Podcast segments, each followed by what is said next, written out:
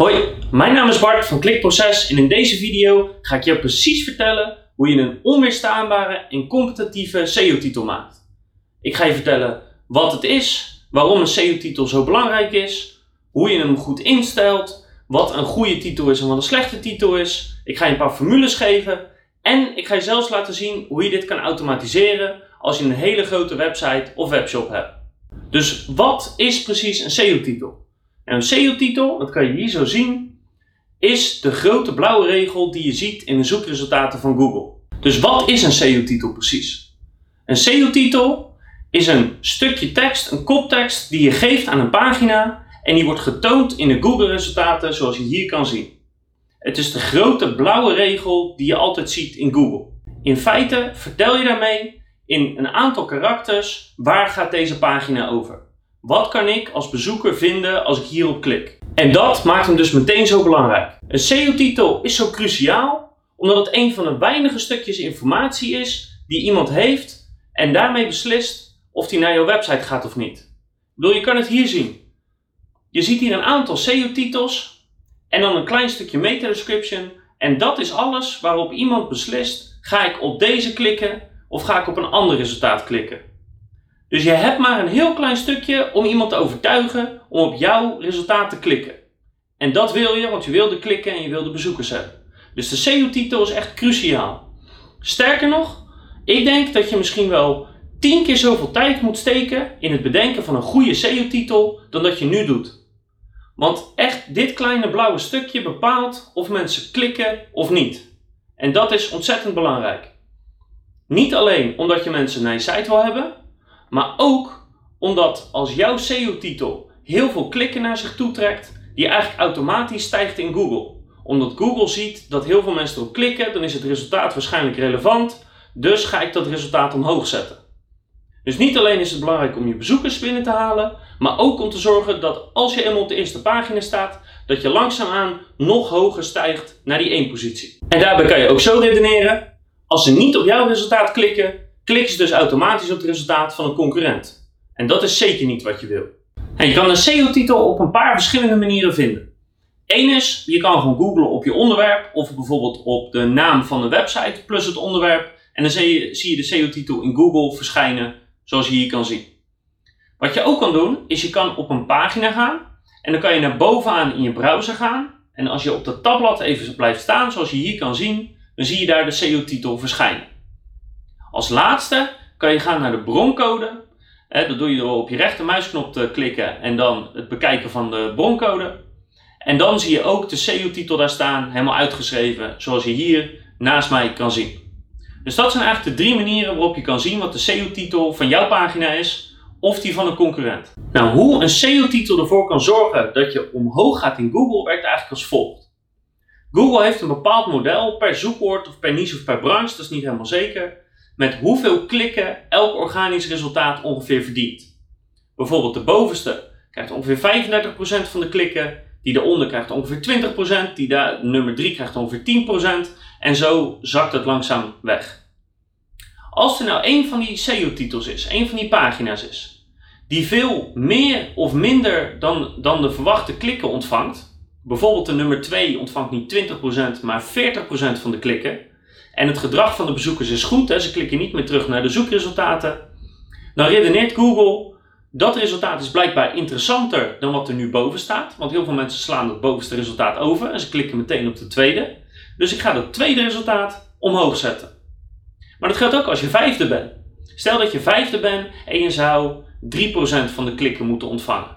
Maar jij ontvangt 7%. Dan gaat Google je een plek omhoog zetten.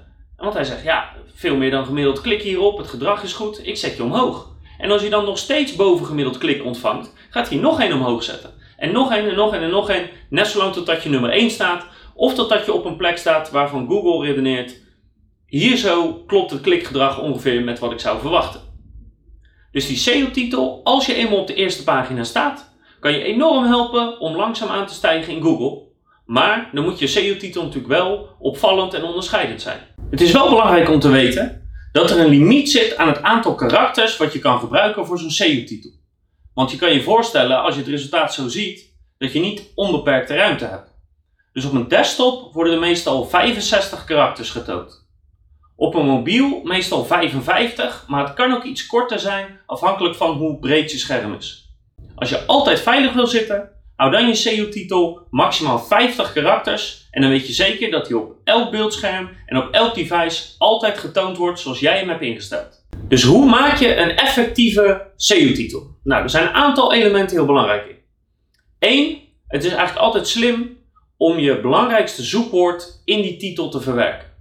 Bij heel veel bedrijven zie je hem ook vooraan staan. Dat hoeft niet per se. Maar als je je belangrijkste zoekwoord in je titel hebt, is dat een signaal naar Google dat de pagina gaat over dat onderwerp. En het is een signaal voor je bezoekers dat ze iets over dat onderwerp, wat ze net gegoogeld hebben, kunnen vinden op jouw pagina. Dus eigenlijk een dubbele winst. Dus verwerk je belangrijkste zoekwoord in je SEO-titel.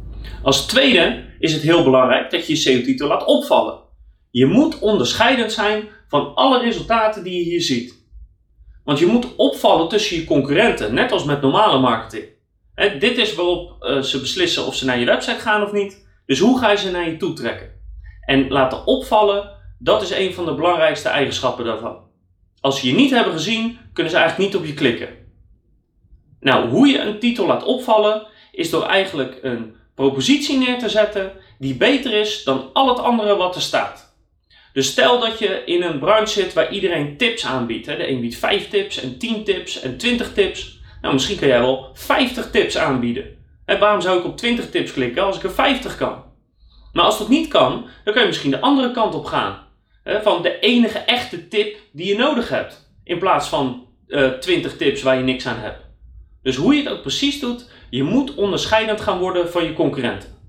En een van de makkelijkste manieren om dat te doen, is door simpelweg in een Excel-bestand op te gaan schrijven wat verwerken mensen allemaal in de SEO-titel, dat turven en op basis daarvan kan je eigenlijk zien hoe het competitieve landschap eruit ziet voor jouw titel en dan kan je makkelijk beredeneren wat kan ik maken wat mensen veel interessanter vinden dan wat er nu is. Als het enigszins kan, probeer er dan emotie in te verwerken. En dat kan al vaak door een klein woordje toe te voegen uh, aan het begin of aan het einde. Uh, een aantal voorbeelden van zulke woorden is bijvoorbeeld geheim of geheimen. Hè? De geheimen van goede copywriters. Of uh, nieuw. Sommige mensen zijn heel gevoelig voor iets nieuws. Uh, denk bijvoorbeeld aan een nieuwe iPhone die uitkomt. Maar iets anders wat je erin kan zetten is bijvoorbeeld revolutionair. Dat, dat prikkelt je dan denk je revolutionair, wat, wat is dat dan? Dat moet wel gigantisch groot zijn. Of je kan zeggen ongehoord. Dat wekt ook een prikkeling op van nou, wat is dat dan? Ik ben benieuwd. Nou, en dat soort gevoelens, dat soort emotie, dat soort nieuwsgierigheid, dat wil je eigenlijk in je SEO-titel kwijt kunnen als dat enigszins kan. Met name voor webshops is dat vaak lastig, dat weet ik. Maar als het kan, doe het.